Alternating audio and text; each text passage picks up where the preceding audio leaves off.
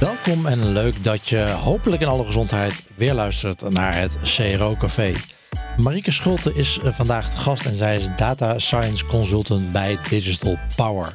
Daarvoor heeft ze de Master Public Policy en Human Development in Maastricht gedaan en tijdens haar studie een passie ontwikkeld voor het inzetten van data voor maatschappelijke vraagstukken. Wellicht komt haar naam je al bekend voor. We hebben haar al eerder gesproken, namelijk dat was tijdens een live opname bij het Digital Analytics Congres uh, afgelopen oktober. Vandaag gaan we het hebben over het inzetten van data voor maatschappelijke vraagstukken aan de hand van een klantcase. Ik ben Guido Jansen en welkom in het CRO Café, de podcast waarin ik je een kijkje achter de schermen geef bij optimalisatieteams in Nederland en met hun specialisten praat over data en mensgedreven optimalisatie en het neerzetten van een cultuur van experimenteren en valideren. Mocht je hem gemist hebben, in de vorige aflevering sprak ik met Milan Meurs van Recruity en hadden we het over het optimaliseren van een SaaS-platform. Die aflevering kun je terugluisteren via cero.café slash afleveringen of via de app waarin je nu aan het luisteren bent. Deze aflevering van het CRO wordt mede mogelijk gemaakt door onze partners Convert.com, Content Square, Sitespect en Online Dialog. Welkom bij seizoen 2, aflevering 13. Ja, Marieke, welkom terug in het CRO Café. En voor de luisteraars die jou nog niet kennen, wat is je achtergrond en hoe ben jij met CRO bezig? Um, ik heb een achtergrond in uh, sociale wetenschappen. Ik heb vorig jaar een Master of Public Policy and Human Development afgerond. Um, en daarin heb ik me gespecialiseerd in um, social protection policy. En dat betekent heel kort door de bocht alle vormen van beleid die mensen uit armoede houden of halen. Um, dus subsidies, werkloosheidsuitkeringen, et cetera. Uh, en in die master hebben we heel veel gekeken naar het monitoren en het evalueren van uh, dat soort beleid. En dat doe je aan de hand van data-analyse. Um, en dat was eigenlijk altijd mijn favoriete onderdeel van, uh, van mijn opleiding. Het stukje waar we met data aan de slag mochten. En uh, dat dat dan wel nog steeds over mensen ging. Um, en vervolgens ben ik heel spontaan bij Digital Power terechtgekomen, waar ik nu sinds uh, september vorig jaar werk. En sinds oktober vorig jaar bij RNW Media, mijn klant. Um, een maatschappelijke organisatie is dat. Daar werk ik als data science consultant. Oké. En met CRO doe ik dus niet zo heel veel. Ja.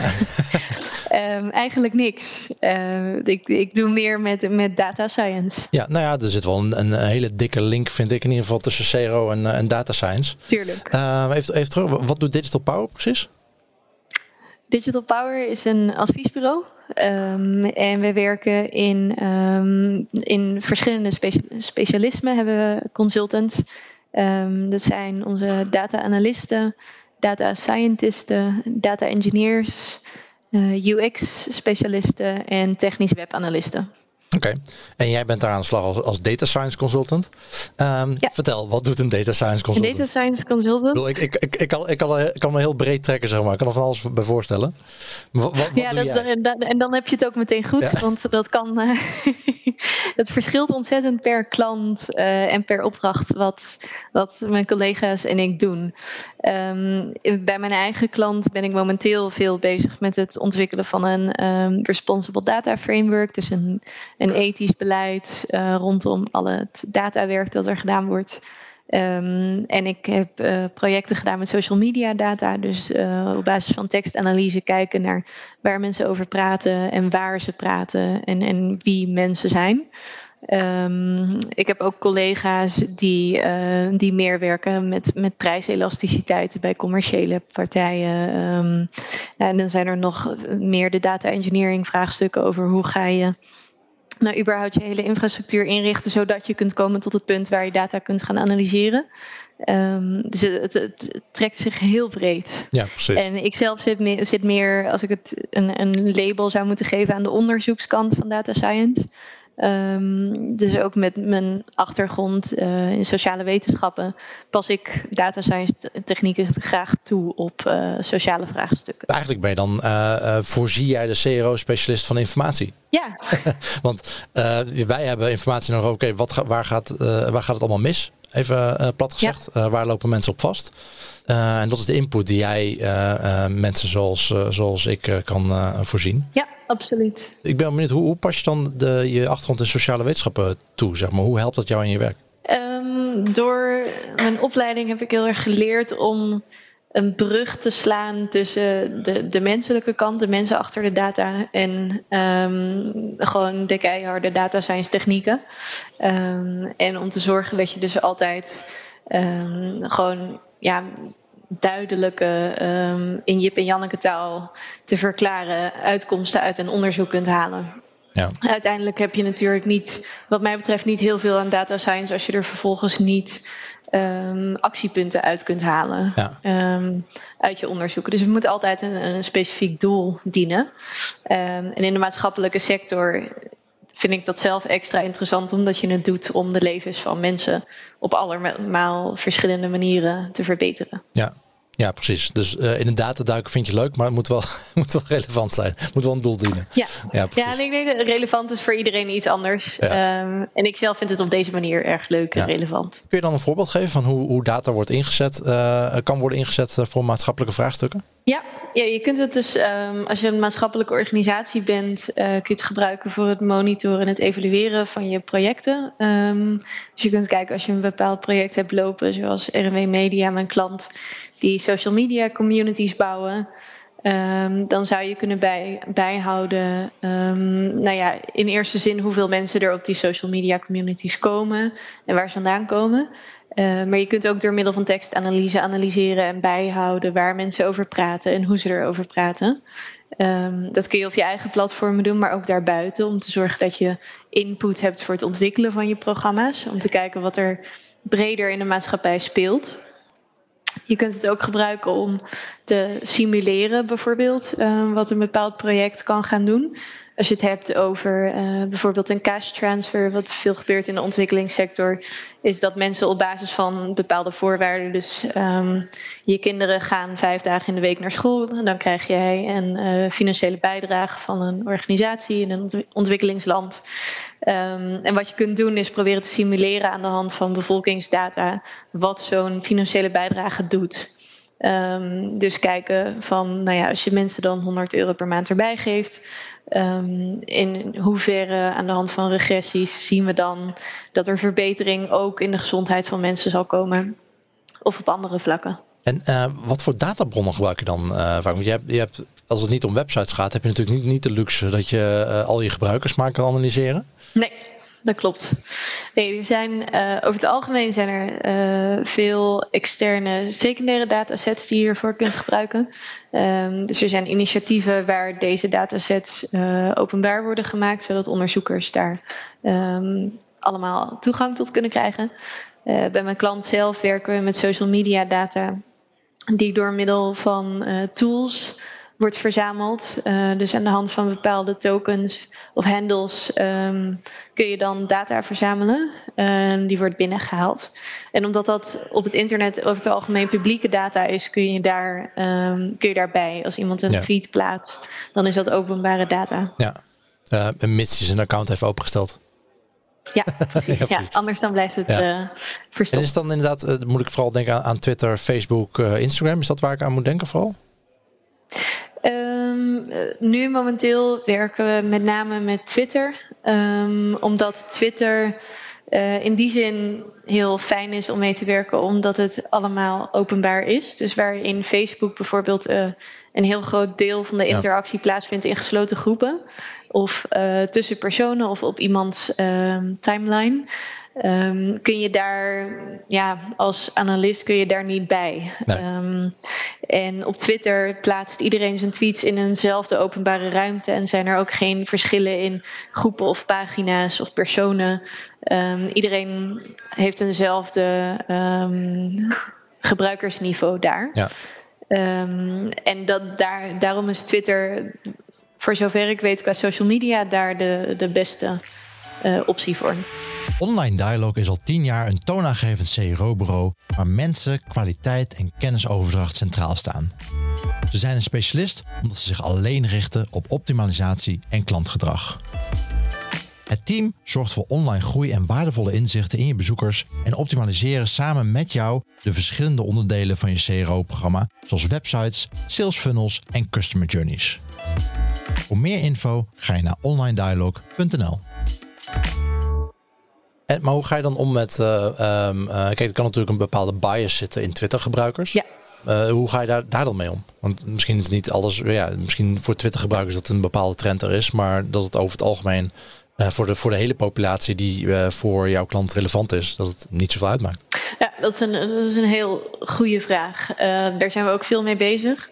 Um, ik denk dat bij RNW Media we altijd dit meenemen in analyses, ook omdat onze doelgroep, um, omdat we direct toegang hebben tot onze doelgroep via internet en via sociale media. Dus daarmee sluit je automatisch al een bepaalde bevolkingsgroep uit. Um, daar kies je voor, maar dan moet je dan natuurlijk in je, in je rapport, rapportages ook meenemen. Um, en als je het hebt over specifieke sociale media, dan is het inderdaad ook nog zo dat er een verschil zit in de doelgroepen daarop. Um, dus daar doen we onderzoek naar. En als we dan rapporteren, dan zorgen we altijd dat we een vergelijking doen uh, met de bredere populatie. Of dat we aangeven, nou, uh, over het algemeen zitten er in dit land zoveel mannen en vrouwen um, op sociale media of op, op Facebook specifiek. Uh, en we zien dat op ons platform de verdeling ongeveer dit is. Ja. Op basis daarvan kunnen we dit wel zeggen en dit niet zeggen. en dat moet je altijd meenemen, inderdaad. Want je hebt het wel je hebt het per definitie over een, een, een meer geprivilegeerde, geprivi... Geprivatiseerde? privileged, oh, een meer ja, ja. privileged uh, oh, ja. uh, bevolkingsgroep. Meer, ja, ga daar maar eens een Nederlands term voor bedenken. Is er nee, het, het moet toch kunnen. Jawel. Ge Zullen we, het gewoon elitair noemen? Ja. dat is hem ook niet. Uh, ja. Nee. ja, elitair klinkt zo negatief. Ja, dat, een uh, ja. bevoorrecht. Bevoor, je hebt het bevoorrecht. over een Goed, bevoorrecht. Ja. uh, dus je hebt het per definitie over een bevoorrechtere groep mensen, om, omdat zij toegang hebben tot het internet, omdat zij toegang hebben tot sociale media. Um, dus dat zijn gewoon allemaal um, biases die, die in je data zitten. Ja, en dat hangt natuurlijk ook weer van het land af. Er zitten ook weer grote verschillen kunnen daarin zitten in dat, dat gebruik. Oké. Okay. Hey, en um, ja. Um, ja, ik denk, ik denk dat het super zinvol kan zijn als jij een, um, een webshop hebt of, of een website uh, en, en daar werkt als CRO-specialist om ook eens hiernaar te kijken. Zijn er bepaalde uh, uh, tooltjes die je hiervoor zou kunnen gebruiken? Of waar, waar zou ik, hoe zou ik aan bepaalde data voor bijvoorbeeld Twitter, hoe kan ik daar aankomen? je kunt er social listening tools voor gebruiken. Um, dus bijvoorbeeld een, een brandwatch is daar echt op ingericht om dus um, data te verzamelen die, die publiek toegankelijk is uh, en uh, in dashboards voor jou te visualiseren. Uh, wat er achter die tools zit, is natuurlijk dat er data science wordt toegepast op social media data. Um, in principe zijn het ook uh, scripts en data waar je, die je zelf kunt schrijven en waar je zelf bij kunt via de API. Um, maar het hangt er een beetje vanaf wat je doel is en um, wat je mogelijkheden zijn in een organisatie ja. waar je het beste mee kunt werken. Ja, volgens mij uh, misschien dat sommige CRO-specialisten wel bekend zijn met Supermetrics. Dat is een tooltje dat ik wel, uh, wel veel gebruik. Daar kun je, ja, uh, we hebben het toevallig geval... vanochtend over gehad. Oh echt? ja. Um, ja, ik gebruik het dan zelf voor, nou, uiteraard vooral voor Google Analytics. Om, om data vanuit mm -hmm. Google Analytics in Google Sheets te krijgen. Of in Excel, daar werkt het ook voor. Maar ik gebruik meestal Google Sheets. Dat tooltje kan veel meer databronnen aanspreken. Ja. Los van CRM-tools en dat soort interne dingen. Kan, kan die ook naar Twitter ads, AdWords uiteraard, maar ook Twitter publieke data okay. uh, binnenhalen. Uh, en ook uh, Facebook, maar ja, dat is dan, wat je net al zegt, dat is wel wat beperkter. En dingen mm -hmm. als Reddit kan die, ook, kan die ook leuke dingen mee, volgens mij. Mooi. Dus dat kan wel, ja, als je dat doet, toch al hebt, dan, dan zou je daarmee kunnen beginnen. Ja, dan kun je het natuurlijk heel mooi gebruiken om te identificeren waar, waar behoeften liggen. Of, ja. Uh, mogelijkheden waar je op in kunt springen. Ja, precies. En dan ben ik er wel benieuwd naar van hoe gebruiken bedrijven dit soort data? Is het, gaat het vooral om uh, nou, een soort van publieke opinie bepalen over het bedrijf zelf? Of gaat het meer over algemene trends over de, nou, de type producten waar ze in zitten? Of, of gaat het echt misschien zelfs over verbetering van de website of productontwikkeling? Hoe, hoe zetten ze het in? Je kunt het voor al die dingen inzetten. Um, waar bij RNW Media voor het gebruikt is om um, te kijken wat relevante uh, topics zijn die op dit moment spelen. Bijvoorbeeld rondom seksuele gezondheid en rechten. Dus om bij te houden um, welke hashtags of welke discussies er spelen op het moment. En om te zorgen dat je daar dan dus met je content die de journalisten lokaal schrijven, dat je daarop in kunt spelen. Dus je krijgt sneller een beeld van wat er nodig is. Um, als commerciële partij kun je ervoor kiezen om het in te zetten om inderdaad een, um, vooraf een, een behoeftecheck te doen. Dus als je ziet als verzekeraar dat er, uh, dat er na een bepaalde storm heel veel schade is en, en daar plaatsen mensen op sociale media berichten over, zou je daarop aan kunnen haken. Ja.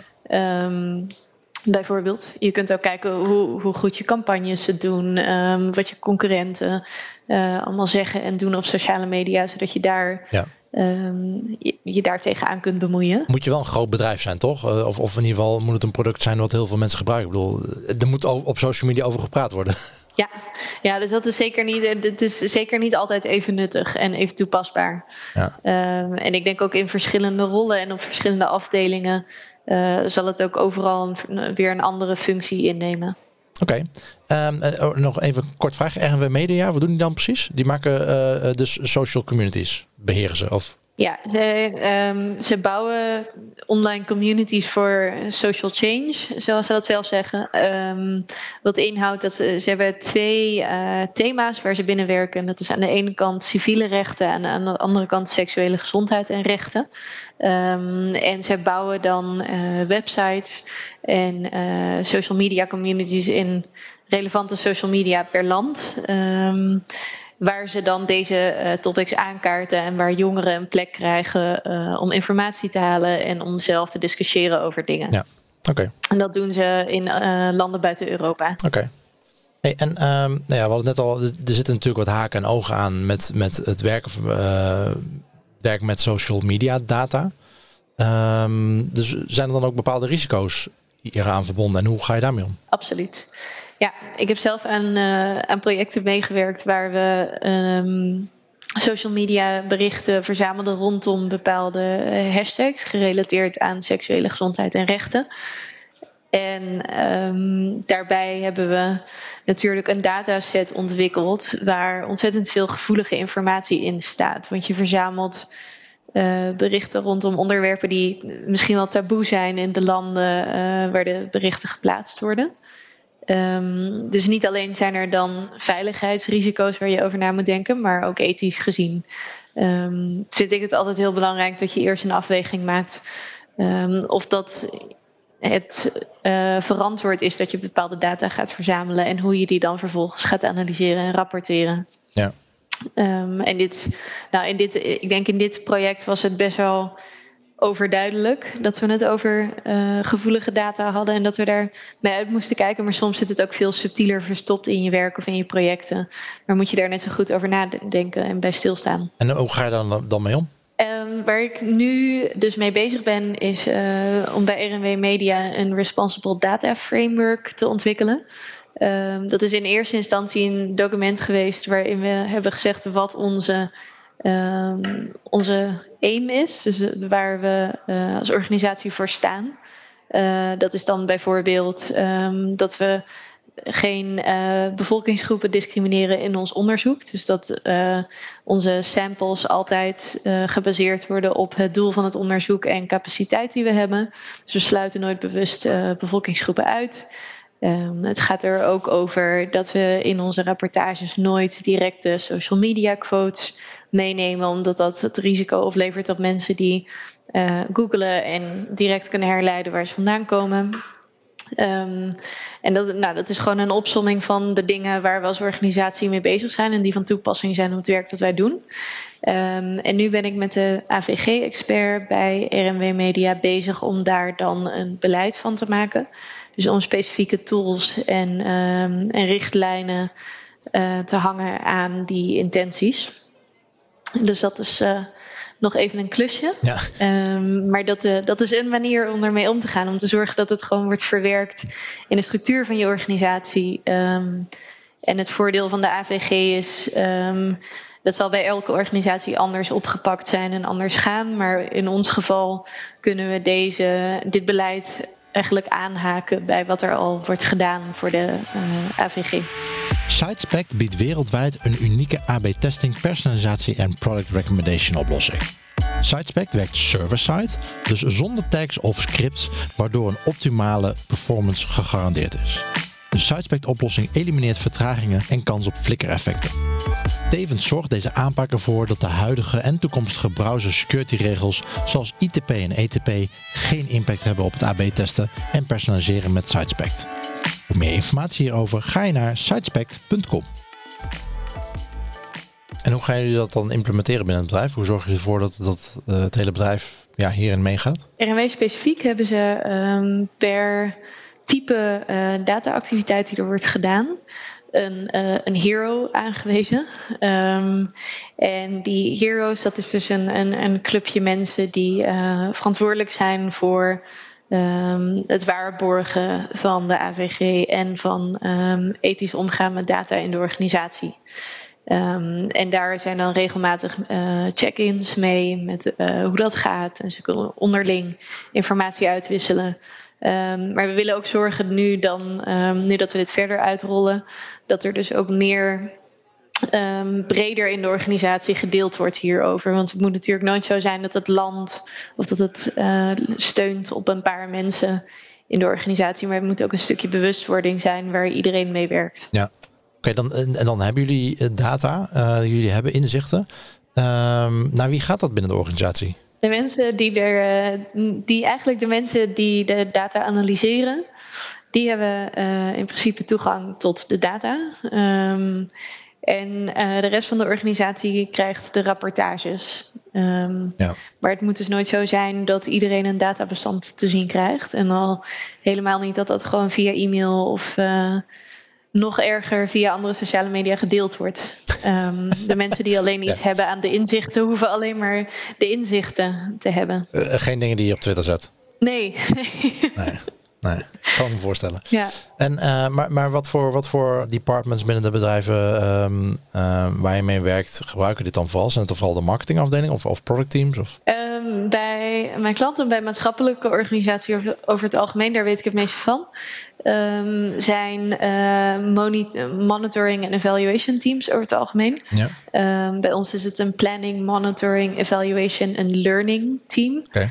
Um, en dat, dat zijn de, de onderzoeksteams van de organisatie die dus gaan over um, het analyseren van de data en om te kijken hoe um, de organisatie of hoe programma's presteren. Dus in ons geval is, is dat het team waar de data zich concentreert. Oké, okay. helder. Hoe gaan jullie dit uh, verder uitbreiden? wat ik zelf nu waar ik mee bezig ben, is om te zorgen dat we een soort uh, lifecycle van data binnen de organisatie kunnen visualiseren. Dus dat we echt kunnen zien van nou, dit is waar we beginnen met data, dit is de onderzoeksvraag, uh, dit, dit hebben we nodig. En dan ga je een hele cyclus door van uh, wat voor data heb ik dan nodig? Die ga je opslaan in het data lake, dat ook nu wordt ontwikkeld. Um, je analyseert hem, et cetera. En op elk punt in dat proces uh, moet je jezelf een paar vragen stellen. Um, en aan de hand daarvan um, kunnen we dan met verschillende teams delen die, uh, die daarmee in aanraking komen waar de risico's zitten.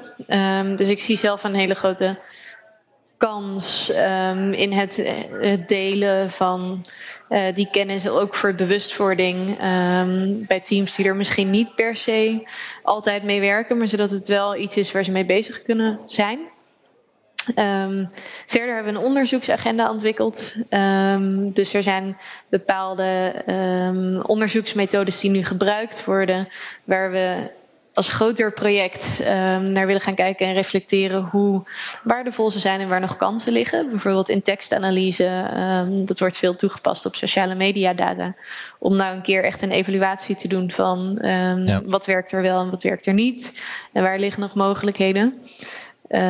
ook omdat ik denk dat het, dat het is heel makkelijk om als er eenmaal een bepaald bepaalde uh, analyse is gedaan binnen een bedrijf, om daar dan om in dezelfde richting door te blijven denken. Maar het is natuurlijk altijd goed. De ontwikkelingen gaan zo snel.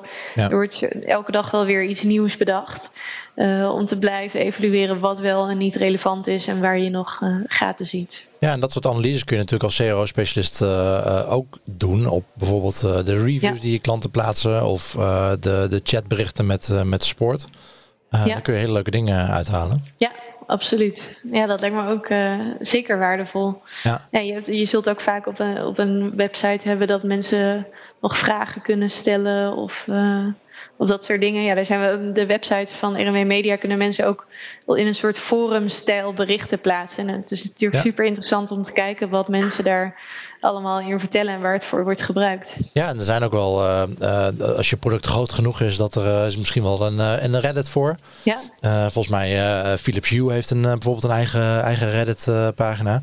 Nou, als je daar dat soort dingen op kan loslaten en je, zit, je werkt bij, bij Philips, dan is dat super relevant voor jou, denk ik, om daar wat, af en toe wat ja, op continue basis feedback uit te halen. Ja, en dan kun je vervolgens daar natuurlijk de inrichting van je website ook naar sturen. Um, als je weet dat er bepaalde dingen heel veel besproken worden waar je eigenlijk nog geen plek voor hebt op je website, ja. Nou, dan, uh, dan kun je dat daarbij halen. Ja, ja, je kan het of tonen inderdaad, uh, of, of mensen daarnaar verwijzen. Of, of uh, ja. ja. Hey, hoe, hoe kunnen um, CRO-specialisten, volgens mij hebben jullie bij RMW geen CRO-specialisten. Nee. maar in het algemeen mensen die, die met optimalisatie bezig zijn. Um, uh, misschien heb je daar wel een idee voor. Hoe kunnen die uh, data scientists zoals jij helpen? Andersom. Ja. Dat is een goede vraag. nou, ik denk dat het altijd heel waardevol is uh, voor data scientists en voor, voor mezelf, uh, als ik daarover nadenk, om meer kennis te hebben en inzicht te hebben van um, de, de, de, specialisaties waar wij data aan leveren. Um, dus als ik niet weet wat, wat, nou, wat er nou allemaal wat ermee gebeurt. Ja, als ik niet weet eh, waar een CRO-specialist uh, in zijn dagelijks werk mee bezig is. Um, en waar die tegenaan loopt. En, en wat nou de dingen zijn die je zou kunnen veranderen. Uh, dan kan ik denk ik ook nooit een waardevolle uh, analyse opleveren. Ja. Dus in die zin is het gewoon heel waardevol om denk ik te weten nou ja, waar de mogelijkheden voor optimalisatie zitten. Um, en dan kunnen we daar natuurlijk veel beter op inspelen ja. met, uh, met onderzoek. Ja, mensen praten eens met je data scientist.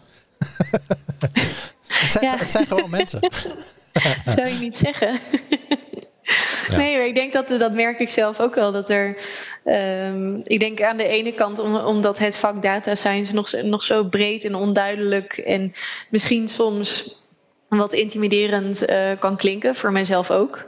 Um, dat, er, dat er soms een hapering is uh, bij mensen om met vragen te komen. Um, in, in de zin van dat ze gewoon niet zeker weten of dat een bepaalde vraag een data science vraag is. Um, of omdat het niet helemaal helder is of dat, of dat data science daarbij zou kunnen helpen. En in die zin is het gewoon heel goed om die informatie veel meer uit te wisselen onderling. En hetzelfde geldt voor dat data scientisten in mijn optiek altijd actief bezig moeten zijn met ook op zoek gaan naar vragen in de organisatie.